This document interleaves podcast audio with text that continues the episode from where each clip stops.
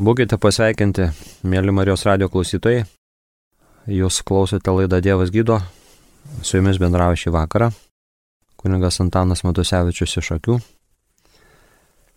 Adventinė tema labai artėja Kalėdos, jau kelios dienos tik tai beliko. Tai pavadinimas gal ir būtų toksai atverti širdį ateinančiam viešpačiui. Skaitysime pranašą Izaiją apie dykumą kalbėsim apie išmintį ir kvailumą. Priekį norėčiau pradėti,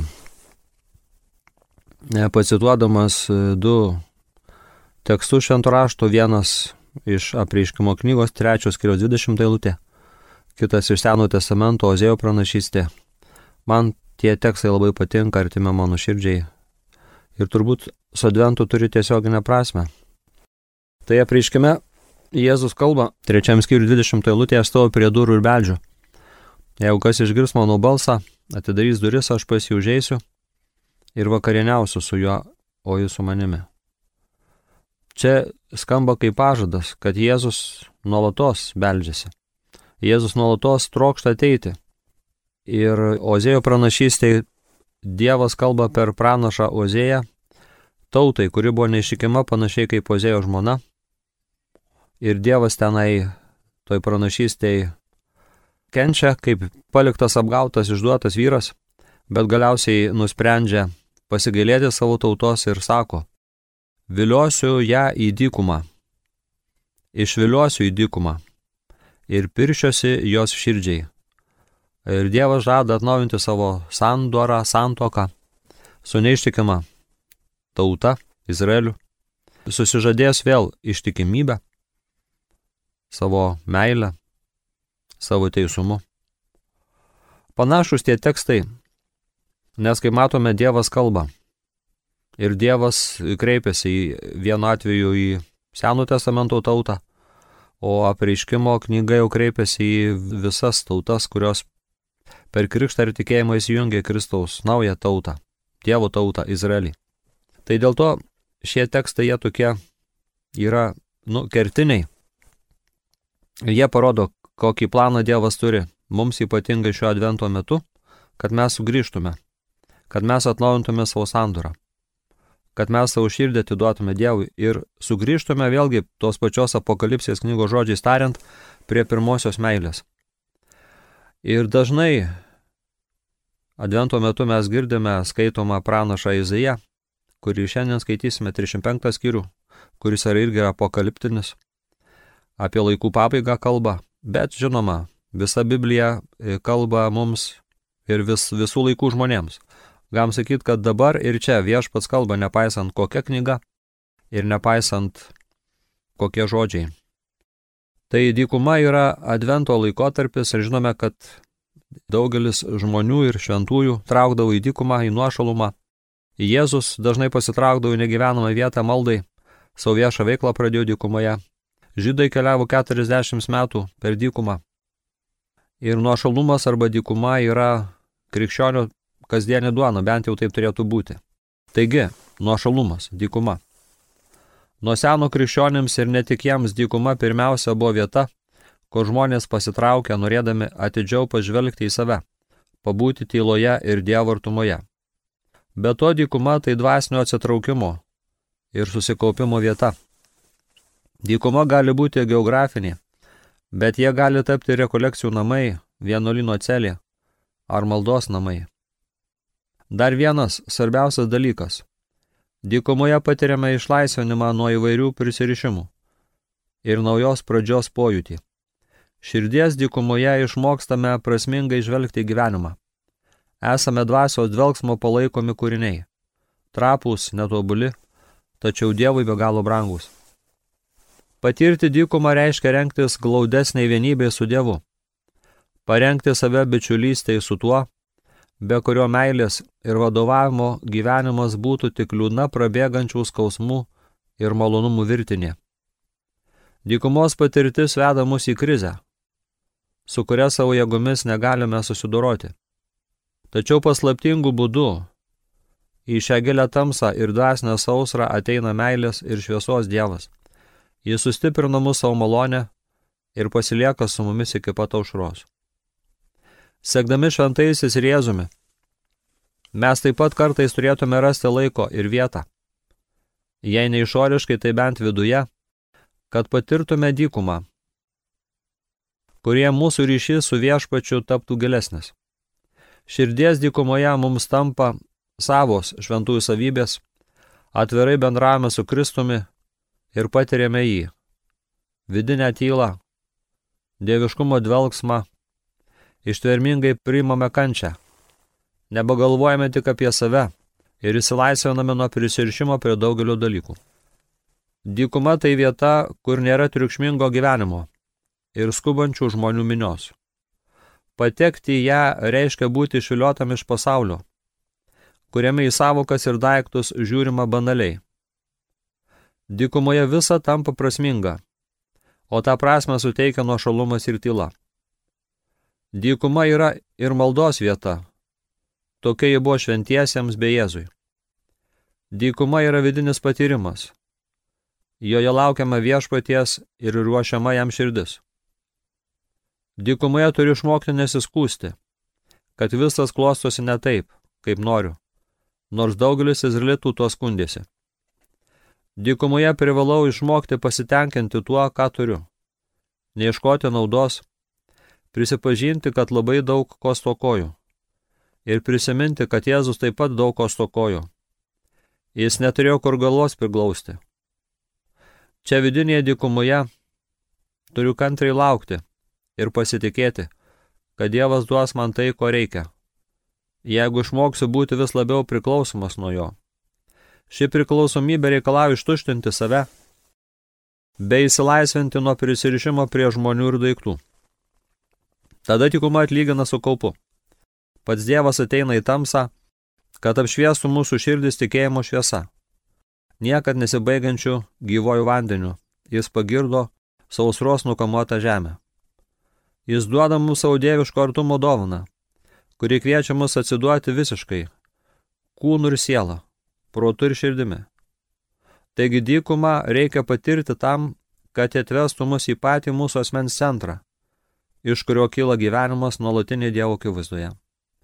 Čia perskaičiau Nadinos Braun mintis. Ir paskutinį sakinį norėčiau pakartoti, nes tai praktiškai kalba apie širdį. Dykumą reikia patirti tam, kad ji atvestų mus į patį mūsų asmens centrą, iš kurio kyla gyvenimas nuolatinėje Dievo akivaizdoje. Taigi matome, kad dykuma yra tarsi žmogaus širdis. Mes kiekvienas turime širdį ir turbūt kiekvienoje širdį, kiekviename iš mūsų yra tos dykumos daugiau arba mažiau. Net galim sakyti, kad pasaulis yra dykuma ypatingai, jeigu kalbėsime apie konfliktus, apie karus, apie žmonių atskirtis, neteisingumą. Labai daug dykumų įvairiopų formų dykumų yra tiek medžiaginiai, tiek dvasiniai plotmėse. Ir dabar, kaip jau sakiau, paskaitykime apie dykumą, kuri Izaijo pranašystėje tampa oazė, kuri tampa šaltiniu, šaltinio vieta, kuri tampa džiaugsmo, ramybės, sustikimo su Dievu vieta. Net tam tikrą prasme dykuma tampa rojumi kaip sakėme, apokaliptinė literatūra, apokaliptinis žanras. Pradžiugs dykuma ir tirlaukiai, krikštaus pražįstama dykvietė, kaip lelyje jį žydėte sužydės ir džiūgaute džiūgaus laiminga. Duokite jėgų pailsusioms rankoms, paremkite drebančius kelius, sakykite tiems, kurių širdis baiminasi, būkite stiprus, nebijokite. Štai jūsų Dievas, jūsų kerštas ateina, Su baisiu atlyginimu jis ateina jūsų gelbėti. Tada kliesiems bus atmerktos akis, kurtiesiems atvertos ausys. Tada raišasis šokinės tarytų melnas, dainuos iš džiaugsmo nebilio liežuvis. Dykumoje ištrykš vandens rovės, tyrlaukiuose tekės upės. Ir vieškelis ten eis. Jis bus vadinamas šventuoju keliu. Kas netyras, tas negalės jo eiti Ištvirkeliai nesuklaidins tų, kurie jo žengia. Nebus ten jokio liūto, joks plėšrų žvėris nesibastys. Nie vieno jų ten neužtiksi, juo keliaus tik atpirktieji. kurios viešpats išlaisvino, tie sugrįž ir įžengs į Sijoną su giesme, vainikuoti amžinų džiaugsmu. Taigi pirmos eilutės šios pranašystės kalba apie tai, kad bus dykumoje didelis džiaugsmas. Ir paminėta lelyje, ta dykuma sužydės kaip lelyje. Pirmos eilutės, galim sakyti, tam tikrą prasme kalba apie Mariją. Nes Izraelis tuo metu, kai buvo rašoma šitą pranašystę, buvo kaip dykuma, jie buvo ištremta tauta. Gyveno tremtyje. Mergelės Marijos ir Jėzaus laikais Izraelis buvo okupuotas kraštas, neturėjo laisvės. Daug priespaudos ir neteisingumo smurto patyrė. Tai dėl to galima sakyti, kad mergelė Marija yra pranašyščių išsipildymas, ta prasme, kad per ją ateina mesijas gelbėtojas. Nes, sakykime, ir šitą pranašystę tiesiog išsipildė Jėzui Kristuje, nes kalbam apie kuliesiems duodamas akis, kurtiesiems atvertas ausis, raišieji šokinėja kaip briedžiai, nebylys dainuoja dainas, tai mesijaninio laikotarpio pranašystė. O mesijanis laikotarpis, kaip žinome, prasidėjo su Jėzaus įsikūnimu.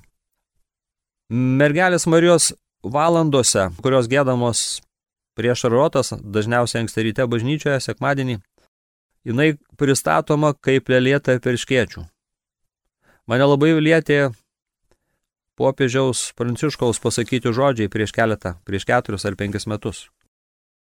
Apie Marijas taip kalba. Marija jauna mergaitė iš Nazareto, nedidelės vietovės Galilėjoje, Romos imperijos pakraštyje ir taip pat Izraelio pakraštyje, buvo paėgi savojo taip pradėti švelnumo revoliuciją. Dievo, kuris žvelgia į silpnąjį, kad sugėdintų stipriuosius. Išrinkimo slėpinys, kviečia bei drąsina ir mus ištarti taip, kaip ji, kaip Marija, kad galėtume praminti susitaikymo kelius. Taigi matome, kad Dievas visuomet turi planą viską perkeisti. Kaip matėme, Dievo širdie vyko tarsi virsmas, tarsi revoliucija. Čia primenu Ozėją, kurisai kalba apie tai, kad Dievo širdies nuosprendis pasikeitė. Jisai pakeitė planą nubausti ar barti neištikimą tautą ir sakė, negaliu tavęs bausti, mano širdis pakrypo vėl į tave, Efraimai, todėl viliosiu tave meilės eitais, glausiu tave kaip kūdikį prie skruosto. Tai mergelė Marija yra tas Dievo meilės įrodymas, Dievo galėsingumo įrodymas. Su ja prasidėjo tas gerumo ir dieviško gailestingumo laikotarpis, pavasaris. Marija ta lelyje, apie kurią čia gražiai pranašauja e, pranašas Izaijas, bažnyčia, ta lelyje, pasaulio dykumoje, bažnyčioje augantis gyvybės medis, kryžius, sakramentinės malonės, trykšta ir gaivina žmonių širdžių, gyvenimų ir pasaulio dykumą. Kaip matome, popiežius kalba apie tai, kaip svarbu mums tarti taip, kaip svarbu mums klausyti, ką Dievas kalba, kaip svarbu atsiliepti, Ir tada Marijos pavyzdžių, Marijos maldos pavyzdžio remiami mes galime tapti sustaikinimo tarnais ir tarnaitėmis. Tolimesnius. Izaijo pranašystėje žodžius, kurisai kalba apie drąsą, apie akių šviesą, nergiams gražintą, kurčiųjų ausų atvėrimą, mes galime pritaikyti dvasinę prasme, Kaip jau matėme, Izaijo laikais Izraelis buvo ištremtas. O mūsų tremtis, mūsų, kurie dabar gyvename tremtis, tai nuodėmė, kuri ir įveda į žmogaus gyvenimą dvasinę mirtį arba dykumą. Gyventi nuodėmėje nutolus atsiskyrus nuo Dievo yra tikroji kvailystė. Šį rytmetį klausiau mane labai palietusi habilituoto daktaro kunigo Roberto Skšipčiak pamokslą kuriame jisai pasakoja apie jį labai sujaudinusi jaunuolį. Tas jaunuolis davė savo gyvenimo liudimą maldos susirinkime ir pasakojo taip galbūt kartais jauduliuku apie savo gyvenimą iki įtikėjimo, iki atsivertimo ir po to. Ir tą gyvenimą iki to momento, kada tikrai nuoširdžiai sutiko ir atidavė savo širdį ir gyvenimą Jėzui, jisai apibūdino vienu žodžiu. kvailystė. Biblinio kvailumo pavyzdžių mes randame nemažai Jėzaus palyginimuose. Pavyzdžiui, galim prisiminti Jėzaus palyginimą apie dešimt mergaičių. Penkios buvo išmintingos, kurios turėjo ne tik indus žibintus, bet ir alyvos.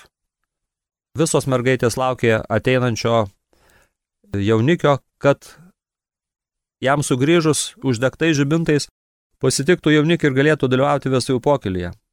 Taigi išmintingos mergaitės turėjo žibintus ir alyvą, o paikos mergaitės buvo pasirūpinę tik žibintais, alyvos jos neturėjo. Ir kai sugrįžo, netikėtai joms užnūdus jaunikis, kažkas sušuko, štai jaunikis, išeikit jo pasitikti, visos mergaitės puolė taisytis žibintus, bet į vestuvės buvo priimtos tik tai išmintingos, nes paikos tuo metu ėjo ieškoti alyvos ir atsitrenkė uždarytas duris, kurių kitame šone jaunikis pasakė, aš jūsų nepažįstu. Šitam palyginime viešpats kalba apie tai, kad svarbu mums laukti jaunikio, kuris aišku yra nekas kitas kaip Jėzus. Kad svarbu būdėti, kad svarbu būti pasiruošusiam. Tai yra tikro išmintis. Nuolatos būti pasiruošusiam nuolatos laukti ir nuolatos įsileisti, grįžtantį, besibeldžiantį, kaip pradžioj kalbėjome, besibeldžiantį jaunikį Jėzų. Dar vienas palyginimas apie turtingą ūkininką, kurio laukai davė didelį derlių ir jisai nutarė pastatyti talpesnius klojimus ir sako, dabar galėsiu atsipūsti, atsipalaiduoti, sočiai valgyti, minkštam krėslė sėdėti, linksmai pokeliauti ir sakyti, ilsėkis, būk laiminga mano siela, nesusikrovi ilgiems metams atsargų. Na ir moralas to palyginimo, sako, dar šiandien bus pareikalauta tavo gyvybės ir Dievas pasako tam žmogui apibūdinamas jį kaip neišmintingą, kaip kvailą žmogų, kam atiteks tai, ką susikroviai. Labiausiai žmogaus kvailumą, didžiausią neišmintingumą iliustruoja kitas palyginimas, kur kalbama apie vieną žmogų, kuris ieško paslėpto lobio ir tokį lobį suradęs, eina parduoti viską, ką turi, visą savo turtą, visą savo nusavybę. Kreipiasi į tos dirbos savininką, galbūt moka daug, daug kartų didesnę kainą, kad tik tai tą dirbą įsigytų ir žinoma tą lobį galėtų kaip savo nusavybę turėti. Tai štai sako tas žmogus, kuris taip elgesi pirkdamas dirva yra išmintingo žmogaus pavyzdys.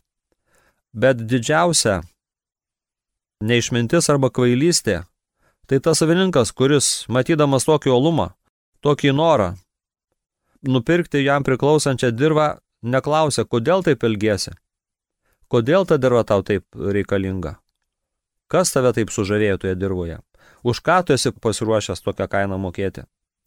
Galime čia prisiminti ir Seno testamento pasakojimą apie tai, kaip Jokūbas nupirko pirmagimystę iš savo brolio Ezavo, kuris tos pirmagimystės, tai reiškia ir tėvo palaiminimo nebrangino.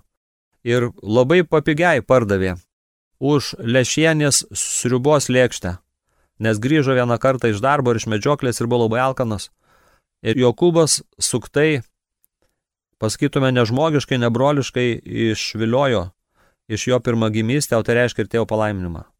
Šitas pavyzdys rodo viena vertus Jokūbo išminti ir tai, kad jisai brangina tėvo palaiminimą, brangina dvasinius dalykus, o Ezavas rodo tam tikrą aplaidumą ir tam tikrą nepateisinamą neišmintingumą. Svarbu nuolatos klausytis viešpaties, domėtis juo ir jo žodžiu. Tai yra tas dažnai minimas būdėjimas, Lėzus palyginimuose Biblijoje minima žodis būdėkite. Mes turime nuolatos būdėti ir laukti Jėzaus, tai reiškia mylimojo. Todėl, kas nori taip gyventi, turi nuolatos kovoti su kvailumu. O kvailumas tai rutina. Kvailumas yra įprotis, apsipratimas. Tai sukimasis rate ir negebėjimas atpažinti malonės, kuri ateina konkrečiu laiku. Atsiminkime, kaip viešpats Jėzus savo amžininkams sakė. Kiek kartų norėjau tave surinkti, kai višta surenka višiukus po sparnais, bet tu nenorėjai. Būtent šitą eilutę perskaičiau šį rytą. Breviori mane jin labai palėtė. Ir atsimenam, kaip Jėzus sakė, kad Jeruzalė, Jeruzalė, vargas tau, tavie neliks akmens ant akmens, nes tu net pažinai tavo aplankimo metų. Taigi, laikas yra Dievo dovana, Dievo malonė, ypatingai šitas advento laikas, kaip ir dar vienas atgailos atsigrėžimo į Dievą metas, būtent gavine. Skaitome, ką toliau pranašas Izijas kalba. Sakykite tiems, kurių širdis baiminasi, būkite stiprus, nebijokite. Štai jūsų Dievas, jūsų kerštas ateina. Su baisiu atlyginimu jis ateina jūsų gelbėti. Tada kliesiems bus atmerktos akis, kurtiesiems atvertos ausys. Tada raišės iššokinės tarytų melnes, dainuos iš džiaugsmo nebilio liežuvis. Kaip girdime, nuostabus padrasinimas, nuostabus sustiprinimas ir tokio padrasinimo kiekvienam žmogui labai reikia, ypatingai mūsų dienomis. Čia mes girdime tiesioginę to žodžio prasme pranašystę, Nes anota pašlo Paulius viename iš laiškus būtent apibūdina, kas yra pranašystė. Jisai sako, kad pranašystė tai yra tarti pamokymo, padrasinimo ir paguodo žodį. Reiškia, pranašas visuomet moko, drąsina ir guodžia. Dėl to mums labai dažnai reikėtų skaityti pranašystės. Dėl to labai dažnai Dievas prakalba į žmonės, duodamas pranašystės žodį. Parnašystės dovana yra viena iš dovanų, kurie šventoji dvasia duoda bažnyčiai ir konkretiems žmonėms. Norėčiau vieną pranašystę paskaityti, kurią radau toje pačioje Nadinos Braun knygelėje. Jis buvo pasakyta Nadinai Braun kalbant Stombenvilio katalikų universitete, Junktinėse valstijose. Ten tame sustikime dalyvavo viena pranašė, per kurią viešpats Dievas davė šitą žodį. Paklausykime. Tikiu, jog ta žodis aktualus šiam laikui ir mūsų gyvenamam metui, nors buvo pasakytas prieš kokią 20 ar 30 metų. Mano vaikai, šiandien tarnauju kiekvienam iš jūsų, bet tai tik pradžia. Ketinu nuveikti tarp jūsų didžių dalykų, apdovanoti jūs dovanomis ir malonėmis, kurios iš tiesų padarytų jūs mano meilės įrankiais. Nes tamsos debesys renkasi ir neramumai artėja. Noriu, kad jūs būtumėte pasirengę. Naudokite šį laiką tinkamai. Melskitės ir pasninkaukite. Nes ketinu surinkti galingą armiją. Galingą armiją užtarėjų, kuri leistų man per juos melstis ir kentėti. Ar pakanka jumise kilnumo, kad atsilieptumėte į šį pašaukimą? Melstis ir gyventi pagal tėvo valią. Nes pasirengti mano ateimo laiko yra labai mažai Stebėkite priešą, kuris lyg reumojantis liūtas taikosi praryti mano mažutėlius. Būkite tvirto tikėjimo, išsaugokite viltį ir meilę. Būkite vieningi, nes aš tikrai esu jūsų gyvenimo viešpats. Patikėkite visus savo rūpešius, nuodėmės ir reikmes man vienam. Visuomet mane šlovinkite, nes aš esu viešpats, vienintelis galingasis, galybių viešpats paruoškite man kelią. Taigi matome tiesiog adventiškai kalba šitą pranašystę, nes neseniai vieną sekmanį girdėjome apie tai, kaip viešpats ragina per pranašą Joną Krikščitoje, kuris cituoja Seno testamento pranašą mūsų jau girdėtą Izaiją, ruošti ateinančiam mesijui, tai reiškia viešpačiu Jėzui kelią. Kiekvieną dieną mes turėtume taisyti viešpačių kelią, nulyginti, kalnus, užpilti slėnius. Ir šitoje Izaijo pranašystėje, kurią mes skaitėme iš 35 skyriaus, taip pat kalbama apie tai, kad toje dykumoje ištrykš vandens rovės, tyrlaukiuose tekės upės ir vieškelis ten eis. Jis bus vadinamas šventuoju keliu. Kas netyras, tas negalės jo eiti. Ištvirkeliai nesuklaidins tų, kurie jo žengia. Nebus ten jokio liūto, joks plėšrų žvėris nesibastys, nie vieno jų ten neužtiksi, jo keliaus tik atpirktieji.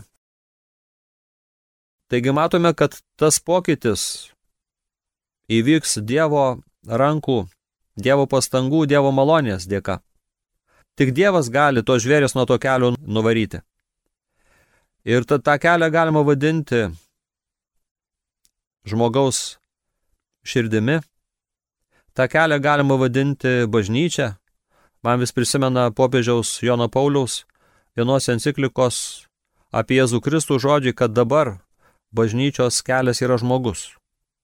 Mes galime sakyti, kad tas kelias tai yra žmogaus širdis, žmogaus gyvenimas.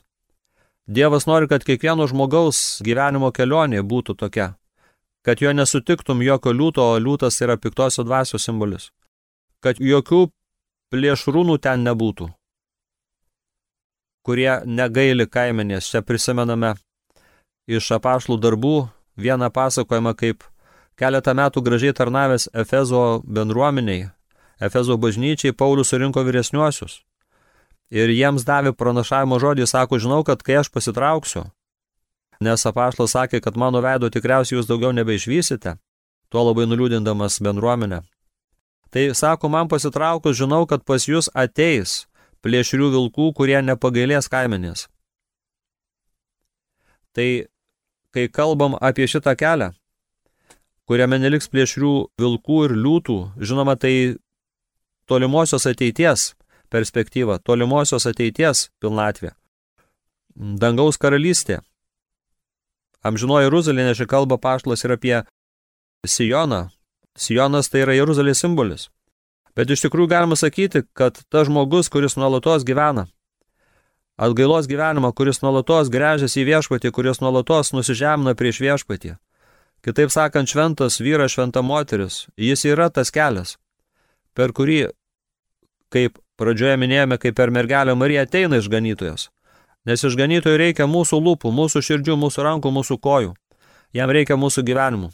Mes anot motinos Teresės esame pieštukas Jėzaus rankoje, kurį naudodamas Jėzus gali kažką gražaus parašyti arba kokį nors gražų paveikslą nutapyti.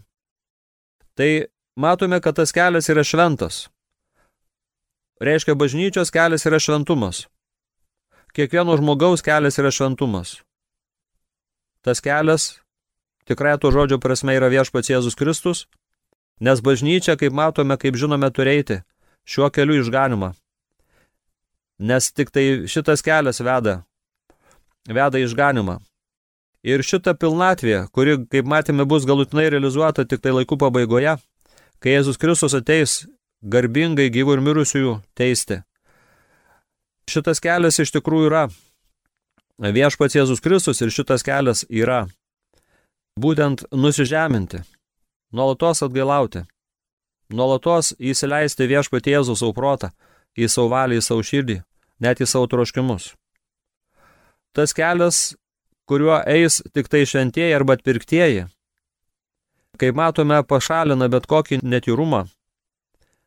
Čia paminėti, kas netyras negalėsiu eiti, ištvirkelė nesuklaidins tų, kurie žengia. Kitaip sakant, tie atpirktieji, tie ištikimieji, Tai reiškia tie, kurie myli viešpatį Jėzų, nepadalinta širdimi ir negesančią meilę. Tie žmonės iš tikrųjų turės tyrą širdį ir galės matyti visokius pavojus ir mokės pasipriešinti, nes Dievo dvasia ant jų lisėsis ir bus įgalinti nugalėti ir teisingai pasirinkti. Ir iš tikrųjų Dievo planas, kad tokių žmonių būtų kaip galima daugiau. Dievo planas, kaip girdėjome truputėlį aukščiau, atverti akliesiams akis, kurtiesiams ausis, duoti eikles kaip elnių, kaip briedžių kojas tiems, kurie negalėjo vaikščioti, kurių kojas buvo apsunkintos arba raišos.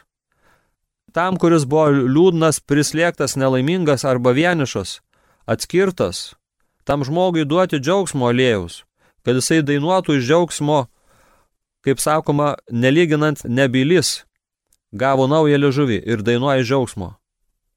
Čia kalbama apie atnaujinto žmonijos tikrovę, apie perkeisto širdies tikrovę.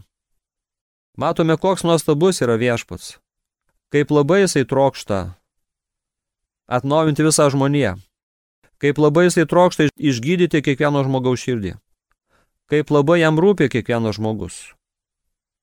Dėl to galėtume prašyti viešpatį, kad padėtų atrasti tuos šaltinius, iš kurių trykšta tas gailestingumas, iš kurių trykšta tas atnaujinantis ir apvalantis šventosios dvasios veikimas. Tai visų pirma Euharistija, kur viešpats mus veda prie gyvybės medžio ir leidžia skintis tos gyvenimo medžio vaisius, kurie nunoko dėl jo klusnumo, dėl jo išminties. O jo Jėzaus dieviška žmogiška išmintis tai nusižeminti po galingą Dievo ranką ir tapti klusniu iki mirties, iki kryžiaus mirties. Taigi galim kasdieną skinti gyvybės medžio vaisius. To gyvybės medžio svarbiausias vaisius yra Jėzus Kristus, gyvoji duona nužengus iš dangaus. Matome, kaip svarbu naudotis atgailos susitaikinimo sakramentu. Apaštalas Paulius rašo, kad Dievo valia, jog mes būtume susitaikinimo arba sutaikinimo tarnai ir tarnaitės. Susitaikinkite su Dievu. Kaip tai aktualu ypatingai dabartiniu laiku, liturginiu metu, advento metu. Per sakramentinę išpažintį sustaikyti su Kristumi, su Dievu per Kristų, su jo nuotaka, su jo misnių kūnų bažnyčia. Žinoma, tai ir maldos laikas, ypatingai kai skaitome Dievo žodį. Viešpats Dievas ateina į mūsų širdį, ją nutyrina, stiprina mūsų tikėjimą, maitina mūsų savo žodžiu, duoda mums šentą dvasę, duoda mums tą gyvybę, uždega mūsų širdis, uolumu dėl dangaus karalystės, dėl Jėzaus vardo pašlovinimo. Ir dėl to taip aktualiai skamba viena kalėdinė malda, kurią turbūt meldžiasi kontemplatyvūs vienuoliai. Gavau vienais metais pasveikinimų iš Betlėjos seserų, kai Šidoro rajone jau daug metų įsikūrusių. Norėčiau baigti šitą katechezę, šitą maldą. O Kristau, tu, kurio akivaizdoje nutyla didžiūnai, tu, kurį visos tautos šaukia pagalbon, ateik atsiliepti į visų žmonių šauksmą.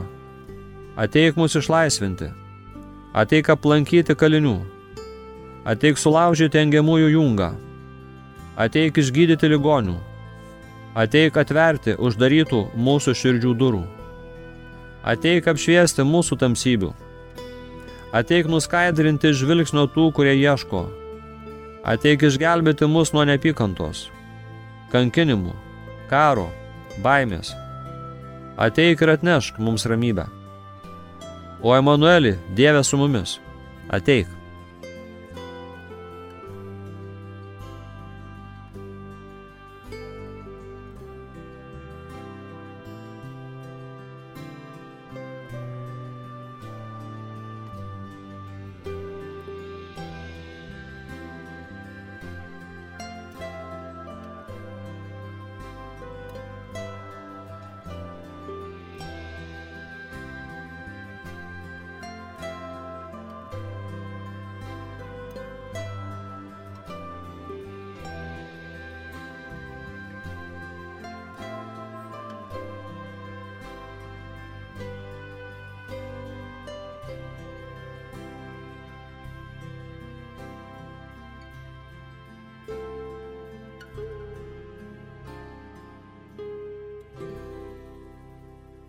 Jums kalbėjo kunigas Antanas Matusevičius.